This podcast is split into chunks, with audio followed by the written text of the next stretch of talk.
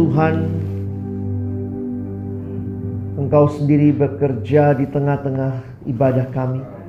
Tuhan yang melawat setiap kami. Tuhan yang kiranya berbicara dengan kami melalui kebenaran firman-Mu. Firman-Mu kami percaya firman yang hidup dan yang menghidupkan. Firman yang kudus dan yang menguduskan kehidupan kami. Firman yang tidak berubah. Tapi firman yang kami percaya sanggup mengubah kehidupan kami. Itulah yang kembali kami rindukan pada pagi hari ini. Berkati baik hambamu yang menyampaikan Setiap kami yang mendengarkan Tuhan tolonglah kami semua Agar kami bukan hanya menjadi pendengar-pendengar firman yang setia Tapi mampukan kami dengan kuasa dari rohmu yang kudus Kami dimampukan menjadi pelaku-pelaku firmanmu Di dalam kehidupan kami Bersabdalah ya Tuhan Kami umatmu sedia mendengarnya Di dalam satu nama yang kudus Nama yang berkuasa Nama Tuhan kami Yesus Kristus Sang firman yang hidup. Kami menyerahkan pemberitaan firman-Mu. Amin. Shalom. Selamat pagi Bapak Ibu Saudara sekalian. Kita bersyukur kepada Tuhan. Di hari perhentian ini Tuhan berikan bagi kita untuk datang beribadah. Memuji, memuliakan namanya. Saudara yang dikasihi Tuhan pagi ini tema yang diberikan kepada kita adalah dipilih untuk berbuah. Tadi kita sudah bernyanyi di hadapan Tuhan, kita dipilih. Dan kita akan coba melihat hal ini sama-sama. Saya mengajak kita membuka di dalam Injil Yohanes, pasalnya yang ke-15. Mari Bapak Ibu Saudara memperhatikan Injil Yohanes pasalnya yang ke-15. Ayat kunci kita hari ini ada di dalam ayat yang ke-16.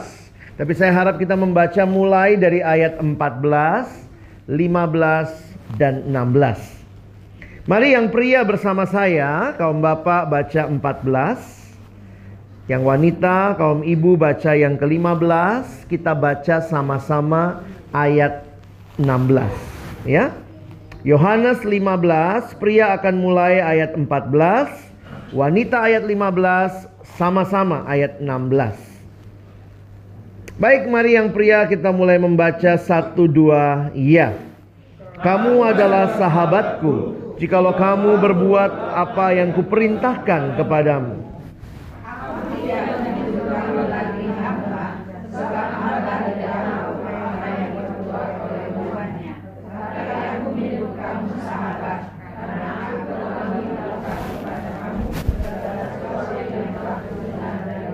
Sama-sama. Bukan kamu yang memilih aku, tetapi akulah yang memilih kamu dan aku telah menetapkan kamu supaya kamu pergi dan menghasilkan buah dan buahmu itu tetap supaya apa yang kamu minta kepada Bapa dalam namaku diberikannya kepadamu. Saudara yang dikasihi Tuhan, pagi ini kita akan melihat secara fokus dua hal. Yang pertama adalah dipilih dan yang kedua berbuah. Dan kita melihat sama-sama ini menjadi hal yang penting dalam hidup kita secara pribadi maupun sebagai gereja Tuhan di tempat ini. Saudara yang dikasihi Tuhan, Yohanes 15 adalah bagian Alkitab yang Yesus sampaikan dalam perjalanannya menuju ke Taman Getsemani. Dari dari uh, Yohanes 13 setelah dia membasuh kaki para murid, Pada kita melihat Yesus sedang berjalan bersama murid-muridnya menuju ke Taman Getsemani. Karena kita perhatikan di dalam Yohanes 17 itulah doa Yesus kepada Bapa dan doa ini yang biasa kita sebut dengan doa imam besar. Dan sesudah itu Yesus ditangkap. Nah saudara yang dikasihi Tuhan, di akhir bagian kehidupan Yesus bersama murid-muridnya ini, ada banyak hal-hal penting yang dia sampaikan. Apa yang menjadi kerinduan relasi dia dengan para murid? Itu kita bisa lihat di dalam Yohanes 15. Tuhan Yesus menjanjikan waktu dia pergi nanti penghibur akan datang. Dan juga beberapa bagian ini menjadi hal yang penting tentang tugas para murid. Jadi saudara memang biasanya kalau bicara pesan-pesan terakhir itu penting begitu ya. Katanya ada ini kakek dan nenek, neneknya mau meninggal, lalu kemudian neneknya ini kasih pesan cu, kumpul semua. Apa nek? Nenek cuma punya satu pesan apa nek? Jagalah, jagalah apa nek? Jagalah, jagalah apa nek? Jagalah kebersihan gitu ya. Lalu neneknya meninggal begitu saudara ya. Memang orang kalau dengar pesan terakhir itu kayaknya apa sih apa sih? Eh nggak lama kakeknya mau meninggal saudara ya. Lalu kumpul lagi, cu, kumpul semua anak-anak kumpul. Kakek mau meninggal ini ntar lagi. Ada pesan terakhir apa kek? Tanah. Hah, tanah? Tanah yang mana kek? Tanah di belakang rumah. Kenapa kek? Jangan dijual. Kenapa kek? Pokoknya jangan dijual. Kenapa kek? Itu bukan milik kita. gitu ya. Kalau dia meninggal saudara ya. Ya itu cuma joke aja ya. Bahwa yang namanya pesan terakhir itu penting. Sebelum Yesus meninggalkan dunia ini dalam arti dia mati, lalu kemudian dia bangkit, dia naik ke surga, maka Yohanes 13 sampai Yohanes 17 itu biasanya digambarkan atau disebut sebagai pengajaran terakhir Yesus kepada murid-murid. Yohanes 13 dia menjelaskan terus dalam dalam perjalanan menuju ke Taman Getsemani. Hal-hal penting ini dia sampaikan. Nah saudara, saya mengajak kita melihat sama-sama apa yang dikatakan di ayat yang ke-16. Perhatikan dikatakan Tuhan Yesus mengatakan bukan kamu yang memilih aku, tetapi akulah yang memilih kamu. Saudara ini indah sekali ya. Kita ada dalam dunia di mana Tuhan berkuasa dan sebagai Allah yang berkuasa, Dia yang memilih kita. Saudara perhatikan, Kaitannya dengan apa dipilih? Dipilihnya dipilih ngapain gitu ya. Coba saudara lihat ayat 14 dan 15. Kamu adalah sahabatku jikalau kamu berbuat apa yang kuperintahkan kepadamu. Wow, kita disebut sahabat Allah. Yang kedua, saudara perhatikan bukan lagi kamu hamba, aku tidak lagi tidak menyebut kamu lagi hamba, sebab hamba tidak tahu apa yang diperbuat oleh tuannya, tetapi aku menyebut kamu sahabat karena aku telah memberitahukan kepada kamu segala sesuatu yang telah kudengar dari Bapakku. Jadi kalau kita lihat urutan ayatnya, ayat yang ke-16 bukan kamu yang memilih aku, tetapi akulah yang memilih kamu terkait dengan hal yang di atas bukan saudara dan saya yang memilih jadi sahabat Allah. Saudara perhatikan di dalam dosa manusia dikatakan seterunya Allah. Tetapi karya Allah yang luar biasa datang dan menyelamatkan kita. Sehingga saudara lihat. Kita dipilih jadi sahabat Allah. Seorang penafsir Alkitab mengatakan ini satu privilege. Satu kebanggaan. Bahwa bukan kita yang memilih dia. Manusia dalam keberdosaannya boro-boro milih Allah maunya membuang Allah. Kenapa? Karena manusia mau jadi Allah. Tetapi Allah yang mengasihi, menciptakan kita ketika kita jatuh dalam dosa, dia menebus kita. Dan sekarang kita menjadi sahabat-sahabatnya. Saudara kita dipilih oleh Allah. Bukan karena apa yang ada pada kita. Tetapi karena apa yang ada pada dia. Yaitu kasihnya yang besar bagi kita. Kadang-kadang kita suka merasa, wah saya pilih Tuhan, saya kok yang datang sama Tuhan. Saudara, ntar lagi kita Natal ya. Natal itu bukan manusia datang sama Tuhan. Tuhan yang datang ke manusia. Kalau manusia bisa menyelesaikan dosanya sendiri, Allah tidak perlu turun. Tapi realitanya manusia tidak bisa menyelesaikan dosanya sendiri. Kristus harus turun. Dan itu jadi sungguh hal yang luar biasa. Saudara dan saya, engkau dan saya, kita semua adalah umat pilihan Allah.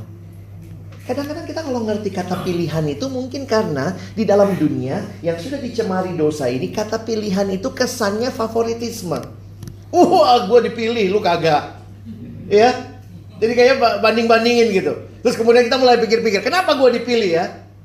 Oh, mukanya bagus ya. Oh, uangnya banyak. Jadi akhirnya orang bilang, kalau ada pilihan itu pasti ada favoritisme. Itu cara dunia mengerti pilihan. Tetapi waktu saudara melihat bahwa Allah yang memilih, Allah tidak memilih karena apa yang ada pada kita. Karena kita nggak punya apa-apa. Tuhan nggak memilih kita karena wah ini kayaknya bagus nih. Di dalam dosa kita semua sama. Tetapi Allah datang menyelamatkan kita. Kita dipilih Allah, kita dijadikan sahabatnya. Kenapa? Sahabatnya karena dia memberitahu apa yang Bapa mau kepada kita.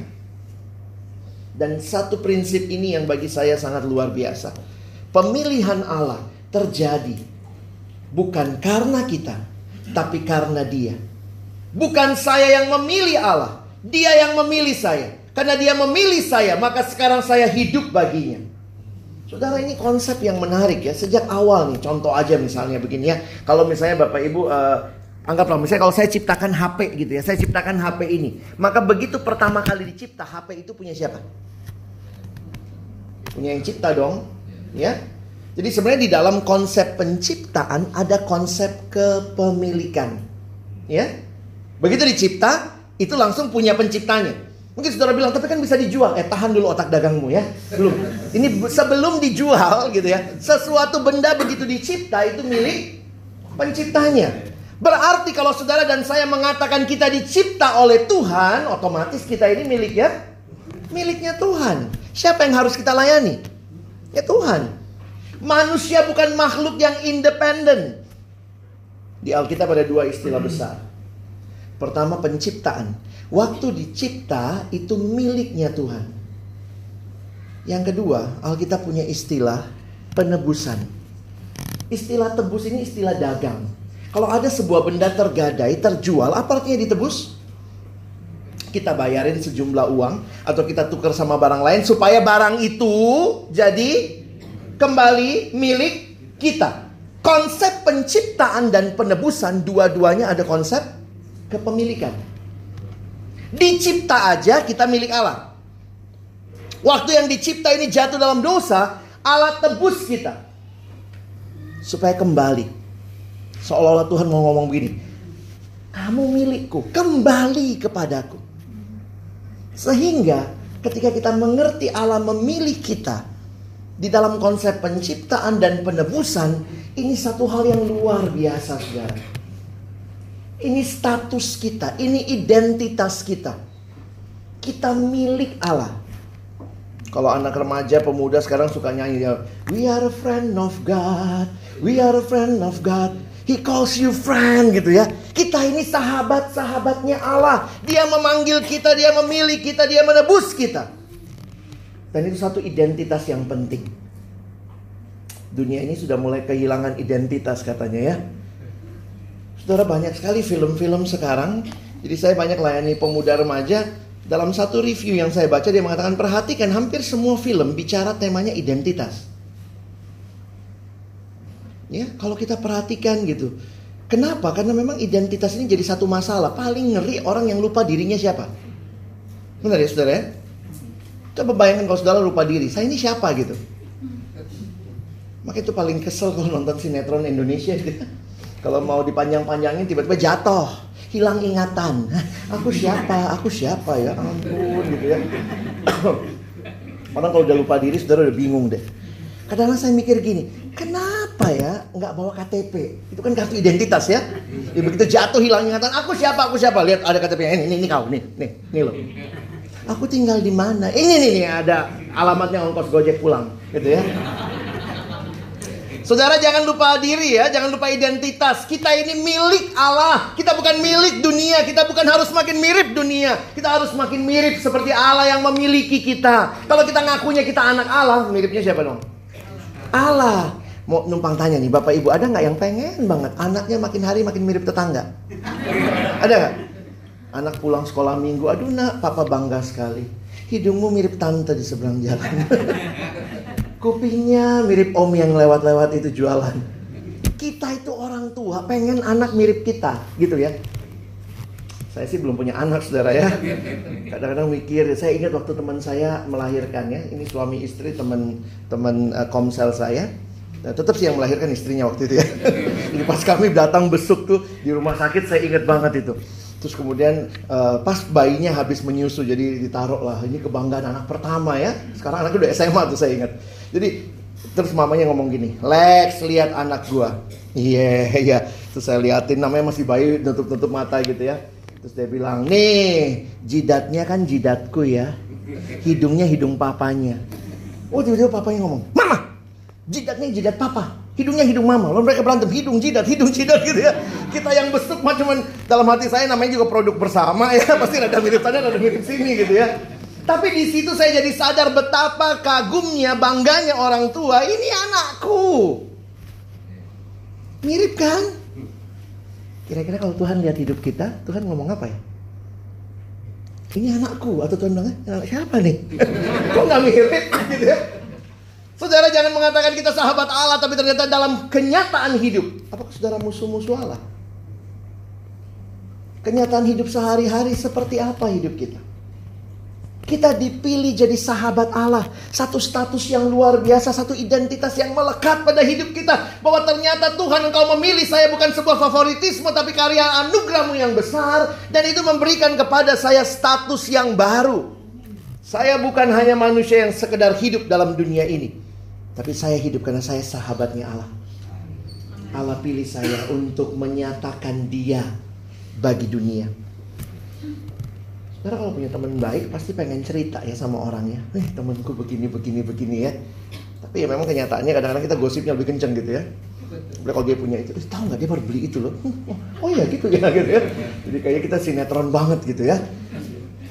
Kalau kita benar-benar anak Allah, biarlah kita hidup seperti dia. Dan perhatikan ada satu ayat sedikit di atasnya. Kadang-kadang kalau kita memang ngutip ayat tertentu, kita jadi nggak nggak dapat seluruh konteksnya. Coba saudara naik sedikit lihat Yohanes 15 ayat yang ke 12 dan 13. Tadi kita baca 14-nya ya. Ini naik-naik terus nih ya. Coba saudara saya baca 12, saudara baca 13 ya. Saya baca 12, saudara baca 13. Inilah perintahku yaitu supaya kamu saling mengasihi seperti aku telah mengasihi kamu.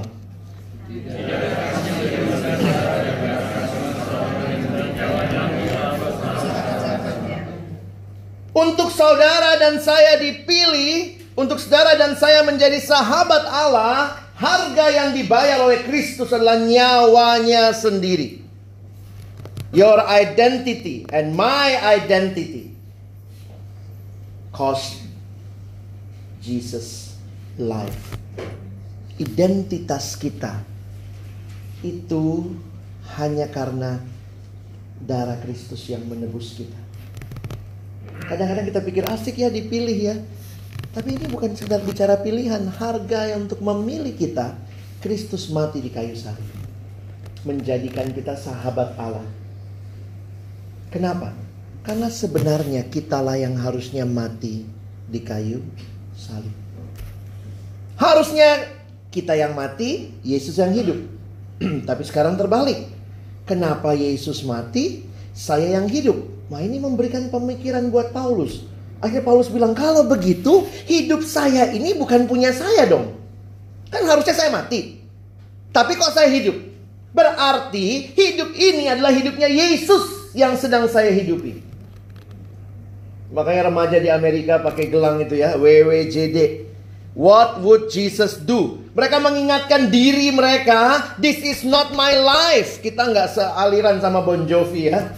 Bon Jovi bilang it's my life. No, Alkitab mengatakan it's Jesus life yang dipinjemin sama kita. Identitas yang baru yang saudara dan saya hidupi. Bukan lagi hidup kita. Coba lihat Galatia 2 ayat yang ke-19 dan 20.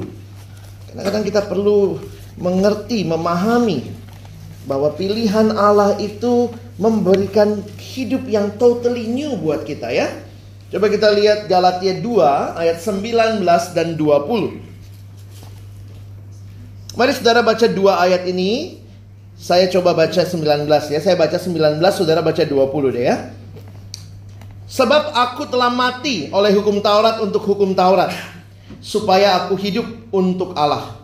Aku telah disalibkan dengan Kristus. Namun aku hidup, tetapi bukan lagi sendiri yang hidup. Melainkan Kristus yang hidup di dalam aku. Dan hidupku yang sekarang dalam daging adalah hidup oleh iman dalam anak Wow. Lihat akhir ayat 19.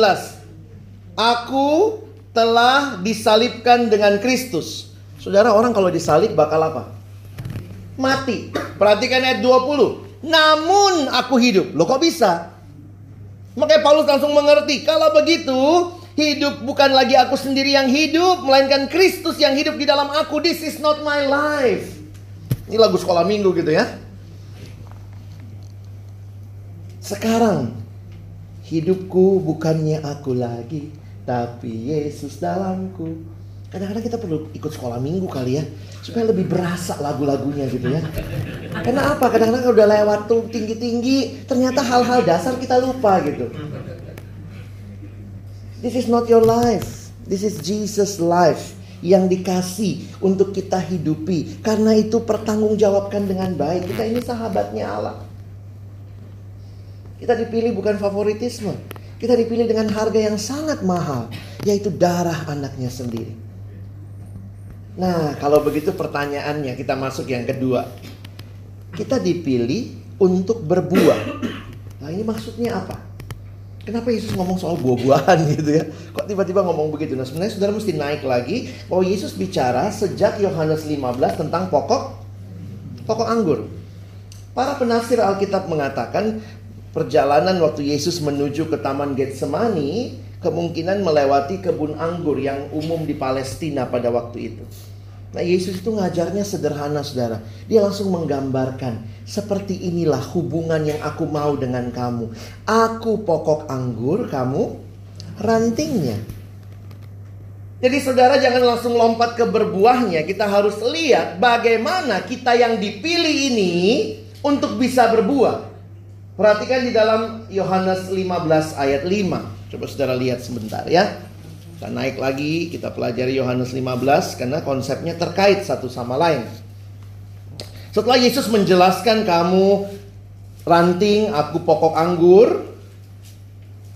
Saya baca ayat 4, saudara tolong baca ayat 5. Tinggallah di dalam aku dan aku di dalam kamu, sama seperti ranting tidak dapat berbuah pada dari dirinya sendiri kalau ia tidak tinggal pada pokok anggur. Demikian juga kamu tidak berbuah jikalau kamu tidak tinggal di dalam aku.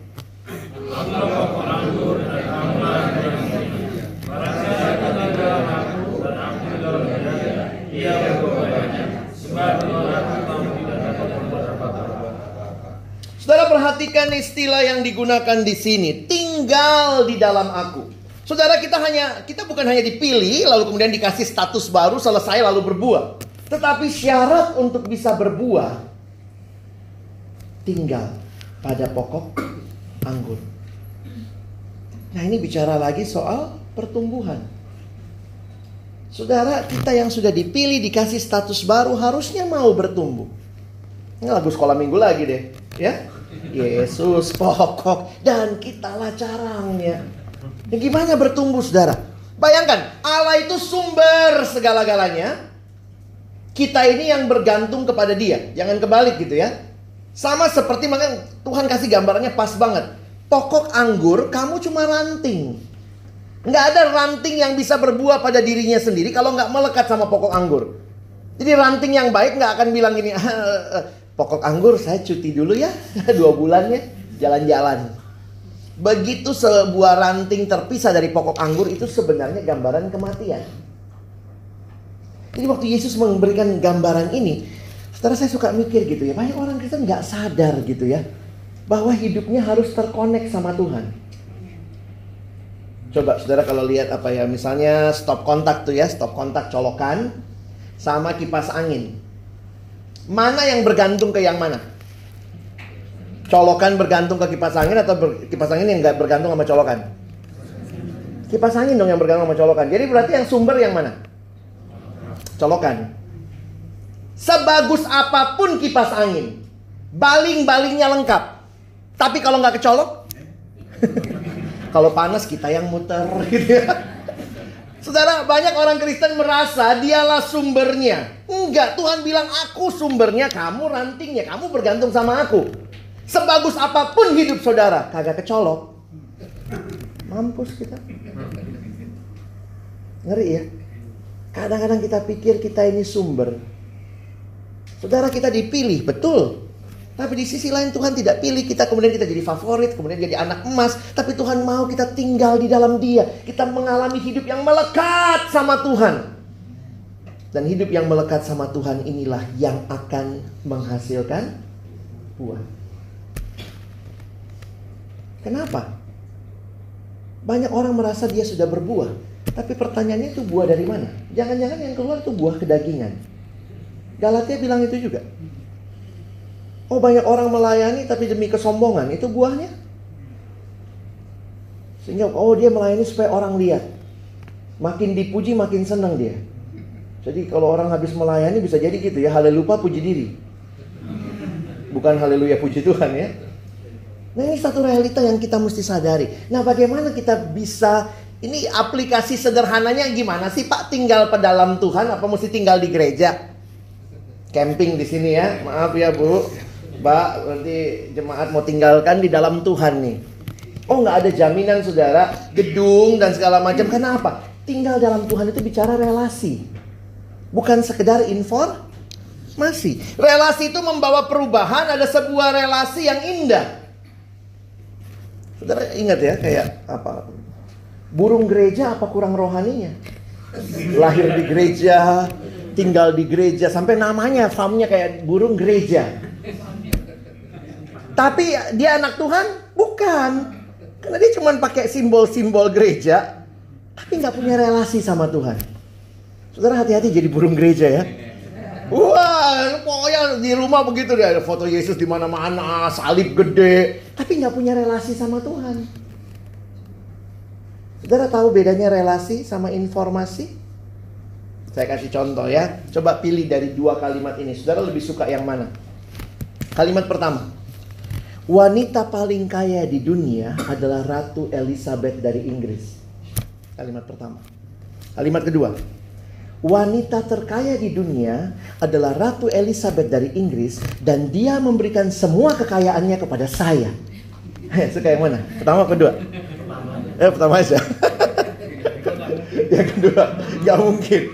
Tapi kalau benar-benar terjadi gimana? Suka kalimat satu apa dua? Ini dasar matre. Kenapa saudara? Kalimat pertama isinya cuma informasi. Kalimat kedua isinya ada re? relasi. Saudara kenal Tuhan yang macam mana? Apakah Tuhan yang benar-benar kita kenal dalam relasi sehingga apa yang menjadi kekuatan dia kita alami dalam hidup? Atau kita cuma kenal sebatas informasi? Oh beda nih. Oh Tuhan katanya baik. Tadi udah nyanyi. Tuhan Yesus baik tapi pulang maki-maki lagi. Tuhan kenapa begini hidup saya? Nah ini ini apa? Ada relasi nggak? Kalau ada relasi maka mungkin situasi saya tidak berubah. Tapi saya percaya Tuhan tetap baik. Itu kan satu perubahan yang terjadi dalam hidup kita. Kadang-kadang Tuhan tidak ubah situasinya, yang Tuhan ubah kitanya. Hati-hati saudara, saudara pikir Tuhan itu kayak kita. Oh enggak, satu waktu saya pimpin kebaktian ujian nasional anak SMA. Persiapan ujian nasional. Tahu ya kalau mau ujian doa. Hari biasa kagak gitu. Terus kemudian uh, pas kebaktian itu saya tanya. Kalau adik-adik lulus ujian nasional nanti Tuhan Yesus baik? Baik. Itu gampang banget jawabnya. Kalau Tuhan kalau lulus ujian nasional Tuhan Yesus baik, baik. Kalau nggak lulus ujian nasional Tuhan Yesus baik, ba, eh, ba. Coba. Kalau nggak lulus ujian nasional Tuhan baik nggak? Apakah Tuhan jadi baik tidak baik tergantung saya ngalamin apa? Kalau saya ngalamin nggak baik, Tuhan jadi nggak baik. Itu saudara Tuhannya berarti. Kurang ajar itu. Kadang-kadang hidup tidak seperti semua yang kita mau ya. Tapi satu hal yang kita pegang karena Tuhan tetap baik dalam hidup kita. Dan kadang-kadang kita sulit, Tuhan kenapa begini? Saya maunya nggak begini.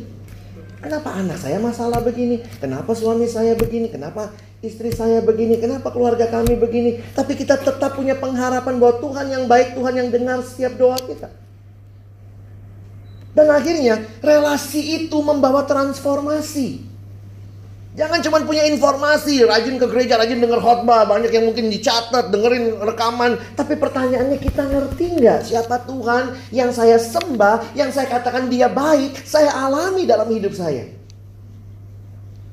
Makanya banyak orang Kristen ke gereja nggak berbuah. Kenapa? Ya nggak berrelasi sama Tuhan. Jadi hari Minggu aja Kristen. Wah hari Minggu kudus banget gitu ya. Uh, kalau perlu pakai bulatan di atas kepala. Tapi hari Minggu doang.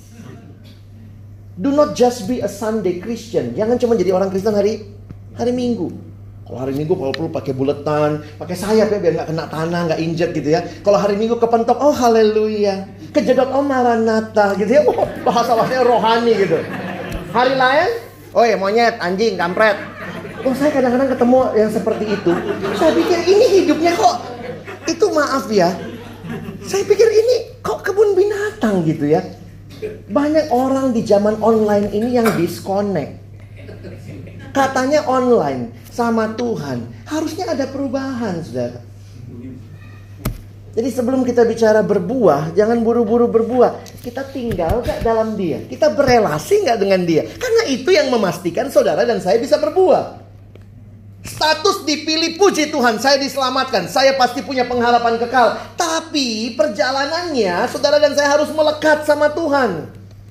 Kadang-kadang orang bilang asik ya orang Kristen ya sekali selamat tetap selamat. Itu bukan masalah sekali selamat tetap selamat saja, tapi bagaimana menjalani hidup keselamatan itu. Di situ terbukti kekristenan kita. Kita cuma asal ngomong, atau kita ngalamin tuh relasi dengan Tuhan yang akan memastikan kita berbuah. Tinggal di dalam Dia, maka kita akan berbuah. Coba nih balik lagi tadi ya ilustrasinya. Kalau itu colokan, ini kipas angin misalnya. Wah, colokan punya kekuatan yang besar. Kipas angin butuh bergantung sama colokan. Bagaimana caranya supaya kekuatan dari colokan itu mengalir ke kipas angin? Butuh apa? Ka? Kabel. Orang Kristen kabelnya apa? Yohanes 15 ayat 7. Ada dua kabel dikasih di sini ya. Yohanes 15 ayat 7. Yuk Bapak Ibu kita baca sama-sama ya. Satu, dua, ya. Jikalau kamu tinggal di dalam aku dan firmanku tinggal di dalam kamu. Wih dulu waktu saya masih remaja ya namanya baca Alkitab masih separuh-separuh seneng banget sama 7A. Minta apa saja pasti Tuhan kasih. Lupa belakangnya dong. Belakangnya apa? Eh depannya bilangnya apa? Jikalau. Jadi ini syarat. Jikalau tinggal dalam aku, firmanku tinggal dalam kamu, baru saya senangnya 7B-nya. Minta apa saja pasti Tuhan kasih. Saudara, ini kabel yang penting yaitu firman.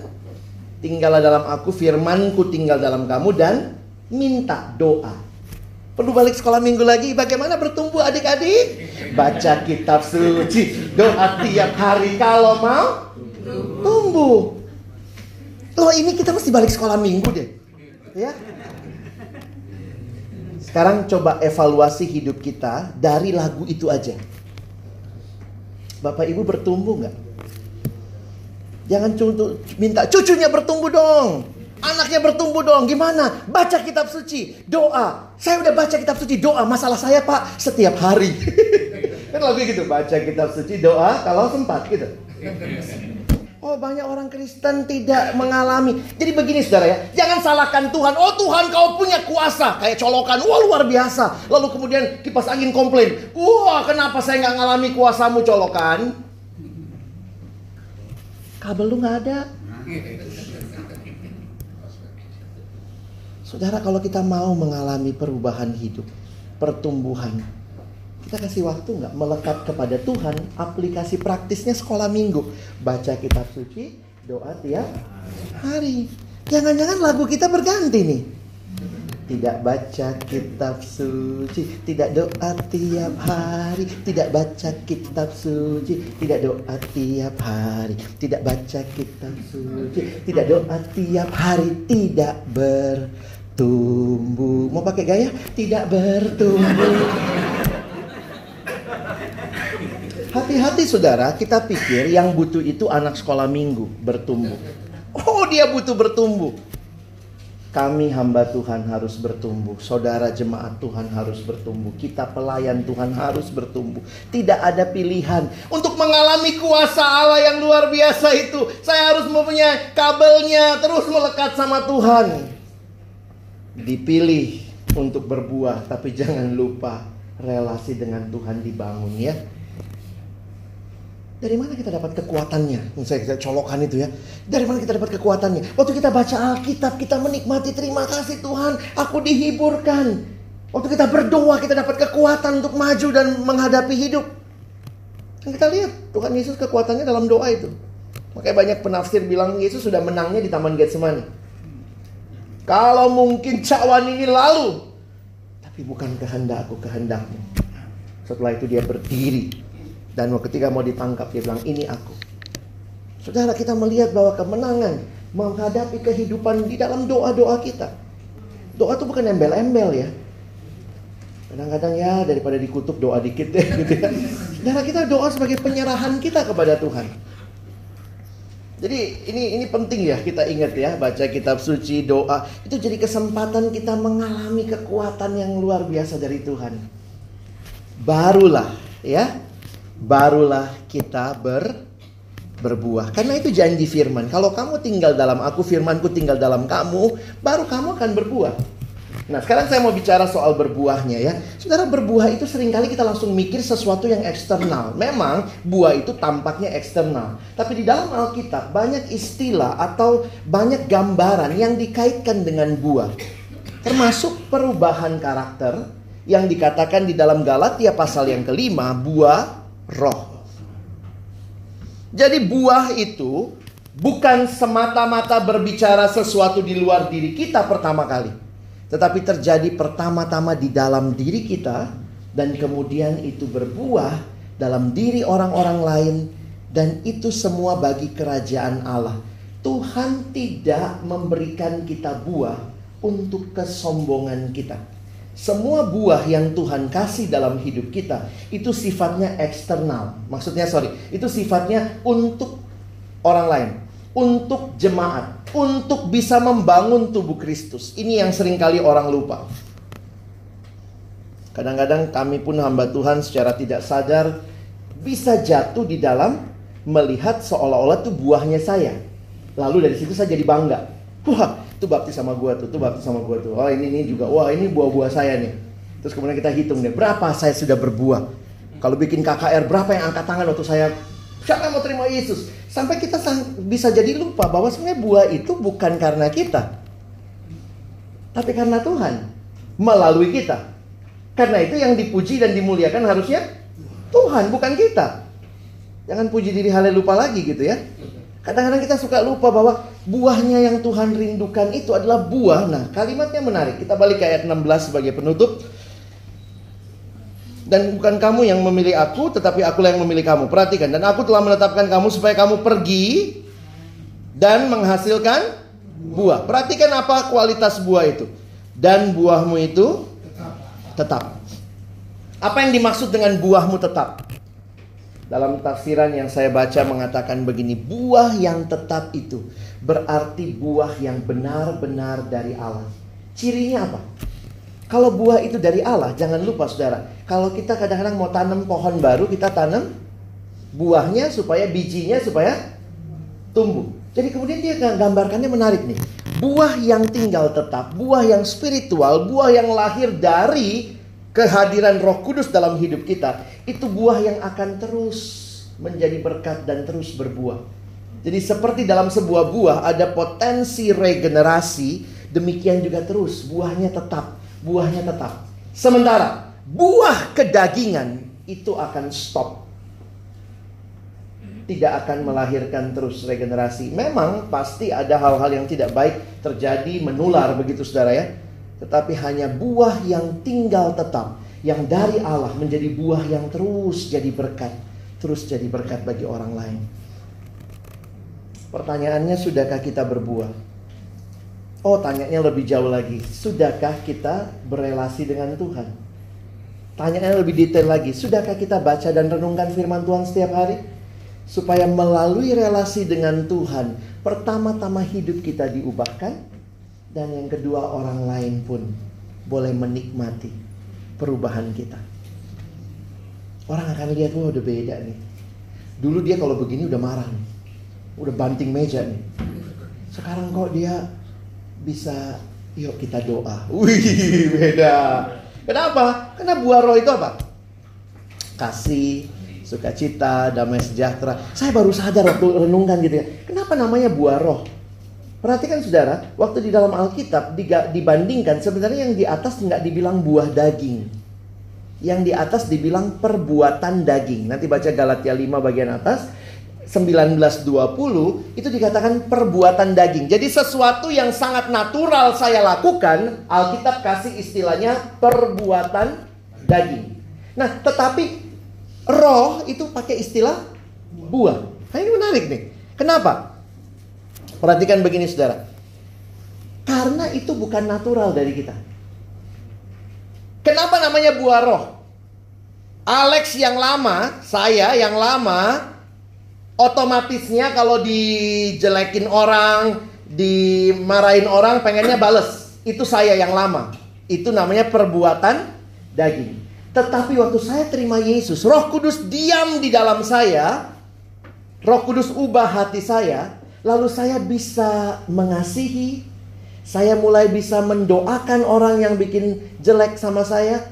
Itu bukan perbuatannya Alex. Itu buahnya roh. Bapak Ibu bisa nangkep? Itu bukan buah saya. Itu buah kehadiran Roh Kudus yang diam dalam diri saya, yang saya terus bertumbuh, saya senantiasa taat, saya baca renungkan firman Tuhan, maka itu jadi buah saya. Dan buah itu dari Tuhan. Buah itu memberkati orang lain, memberkati komunitas, memberkati gereja, memberkati masyarakat, Buah itu tinggal tetap. Orang akan lihat kenapa dia bisa beda banget. Orang akan ketemu siapa di balik dia. Bukan perbuatannya si Alex, tetapi ada Roh Kudus. Dan itu kembali lagi meregenerasi. Buah tinggal tetap. Saudara rindu hal seperti ini?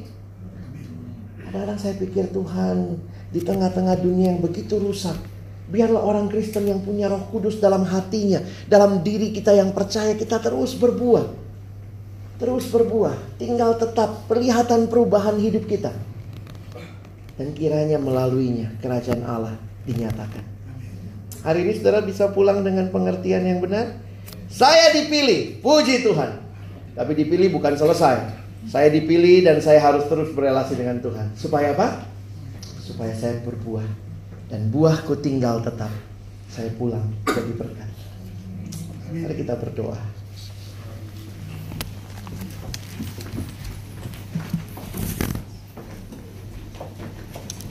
Mari saudara di hadapan Tuhan kita ambil waktu sebentar berdoa secara pribadi. Kalau ada hal-hal yang Tuhan ingatkan dalam hidup saudara. Mungkin pagi ini Tuhan tantang engkau kembali. Beri waktu baca firman Tuhan setiap hari. Beri waktu-waktu berdoa. Dan atau mungkin hari ini saudara melihat saya masih terlalu egosentris. Saya pikir buah itu untuk diri saya, kemuliaan saya, kebanggaan saya. Tapi Tuhan saya mau persembahkan seluruh buah itu bagi kemuliaan Tuhan. Mari ambil waktu berdoa sebentar di hadapan Tuhan.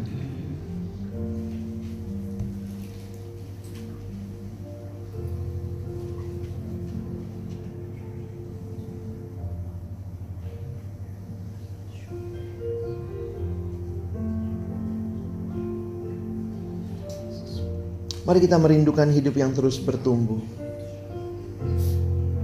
Hidup yang di dalamnya kita mengerti kekuatan Allah. Firman demi firman menghibur kita. Kesempatan berdoa meneguhkan kita untuk maju melangkah dalam hidup. Saudara dan saya dipilih tinggal dalam relasi dengan Tuhan supaya kita berbuah banyak. Buahnya tetap memuliakan Allah.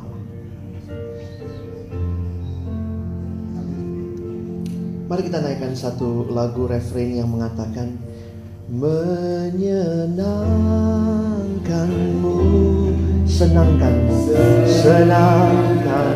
Itu kerinduan kami Tuhan. Hanya itu kerinduan. Menyenangkanmu menyenangkan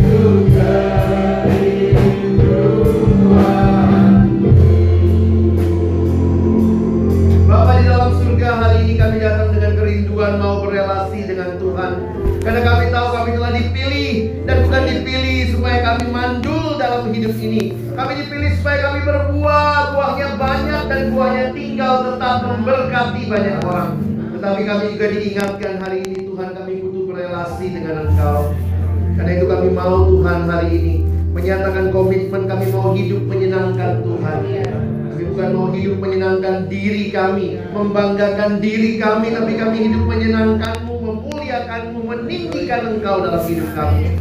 Berkati gereja Tuhan di tempat ini. Setiap orang yang pagi ini sudah dengar firman dan rindu melakukannya. Kami berdoa Tuhan teguhkan. Tolong kami sekali lagi. Bukan cuma jadi pendengar firman. Tapi jadi pelaku-pelaku firman. Kami bersyukur dalam nama Tuhan Yesus. Amin.